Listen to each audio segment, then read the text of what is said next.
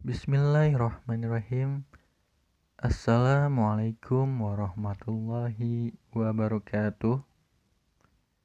Alhamdulillah. Alhamdulillahirabbil.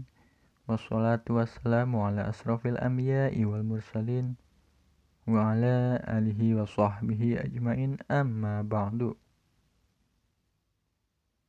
Marilah kita panjatkan puji syukur kepada Allah Subhanahu wa taala karena kita telah diberikan nikmat kesehatan hingga saat ini. Tidak lupa, sholawat serta salam mari kita curahkan kepada junjungan kita, Nabi Muhammad SAW, kepada keluarga, para sahabat, dan semoga kita termasuk ke dalam umatnya. Amin ya robbal alamin. Pada kesempatan kali ini, izinkan saya untuk menyampaikan sedikit mengenai kewajiban dakwah bagi setiap muslim.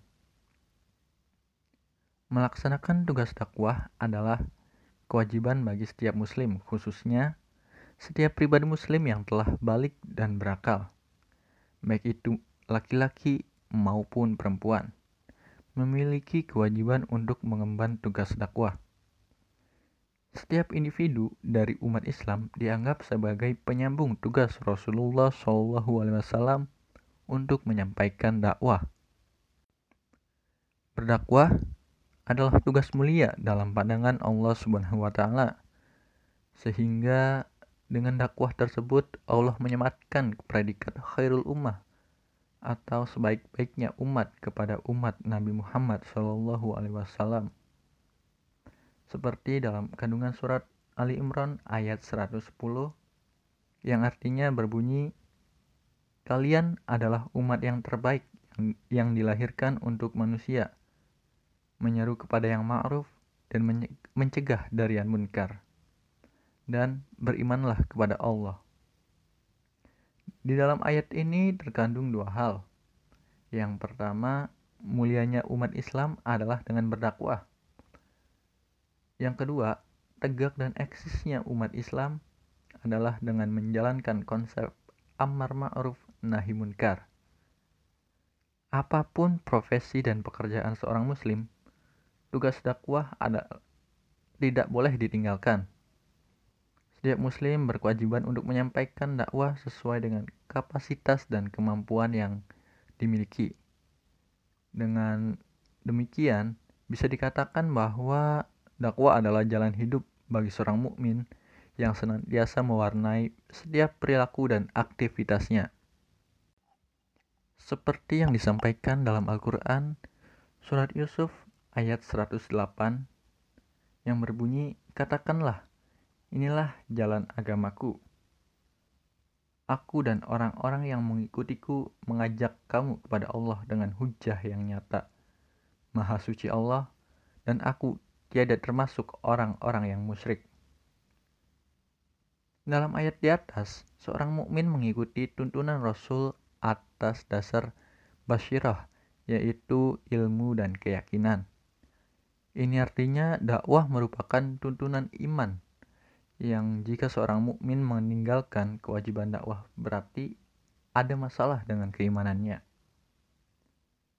Tentang ayat ini Imam Ibnu Hasir mengatakan dalam tafsirnya Allah berkata kepada Rasulnya agar memberitahu umat manusia bahwa ini adalah jalannya, tempat berpijak dan sunnahnya, yaitu mendakwahkan tauhid bahwa tiada Tuhan yang berhak disembah selain Allah dan menyeru kepada Allah di atas ilmu dan keyakinan.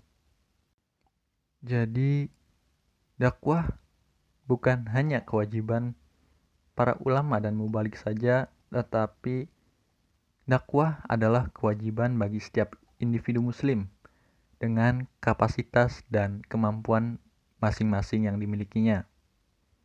Adapun para ulama dan mubalik dengan keilmuan yang dimilikinya bertugas menyampaikan dan menjelaskan secara rinci tentang hukum-hukum dan permasalahan seputar agama. Dalam hal ini, dakwah tidak melulu soal mimbar dan ceramah, kita dapat melaksanakan aktivitas dakwah di mana saja dan kapan saja, bahkan dengan tulisan maupun perbuatan. Hal ini juga dibuktikan oleh para wali songo dengan berdakwah melalui jalur kesenian agar mudah diterima oleh masyarakat tempat mereka berdakwah. Karena sejatinya dakwah merupakan kewajiban yang kita lakukan untuk mendorong dan mengajak orang lain menuju kebaikan. Terakhir, dakwah bukanlah suatu kepentingan pribadi, melainkan demi memperjuangkan kemaslahatan umat. Dakwah merupakan ke kepentingan diri sendiri dan juga orang lain. Yang wajib kita lakukan dengan ikhlas dan dengan niat mencari ridho Allah Ta'ala dengan sepenuh hati. Dan langkah paling awal dalam berdakwah adalah dengan membentengi diri dengan syariat Islam dan mengatakan dan menyatakan bahwa yang benar adalah benar dan yang batil adalah batil. Meskipun hanya terbesit dalam hati dan pikiran kita sendiri. Di dalam hadis Rasulullah Shallallahu Alaihi Wasallam memerintahkan setiap Muslim untuk menghilangkan kemungkaran sesuai dengan kemampuannya. Barang siapa di antara kalian yang melihat kemunkaran, hendaknya ia merubah dengan tangannya. Kalau tidak bisa, hendaknya merubah dengan lisannya. Kalau masih tidak bisa, maka dengan hatinya. Dan yang demikian adalah selemah-lemah iman. Hadis riwayat Muslim. Cukup sekian yang dapat saya sampaikan. Semoga bermanfaat. Mohon maaf bila ada salah kata. Wassalamualaikum warahmatullahi wabarakatuh.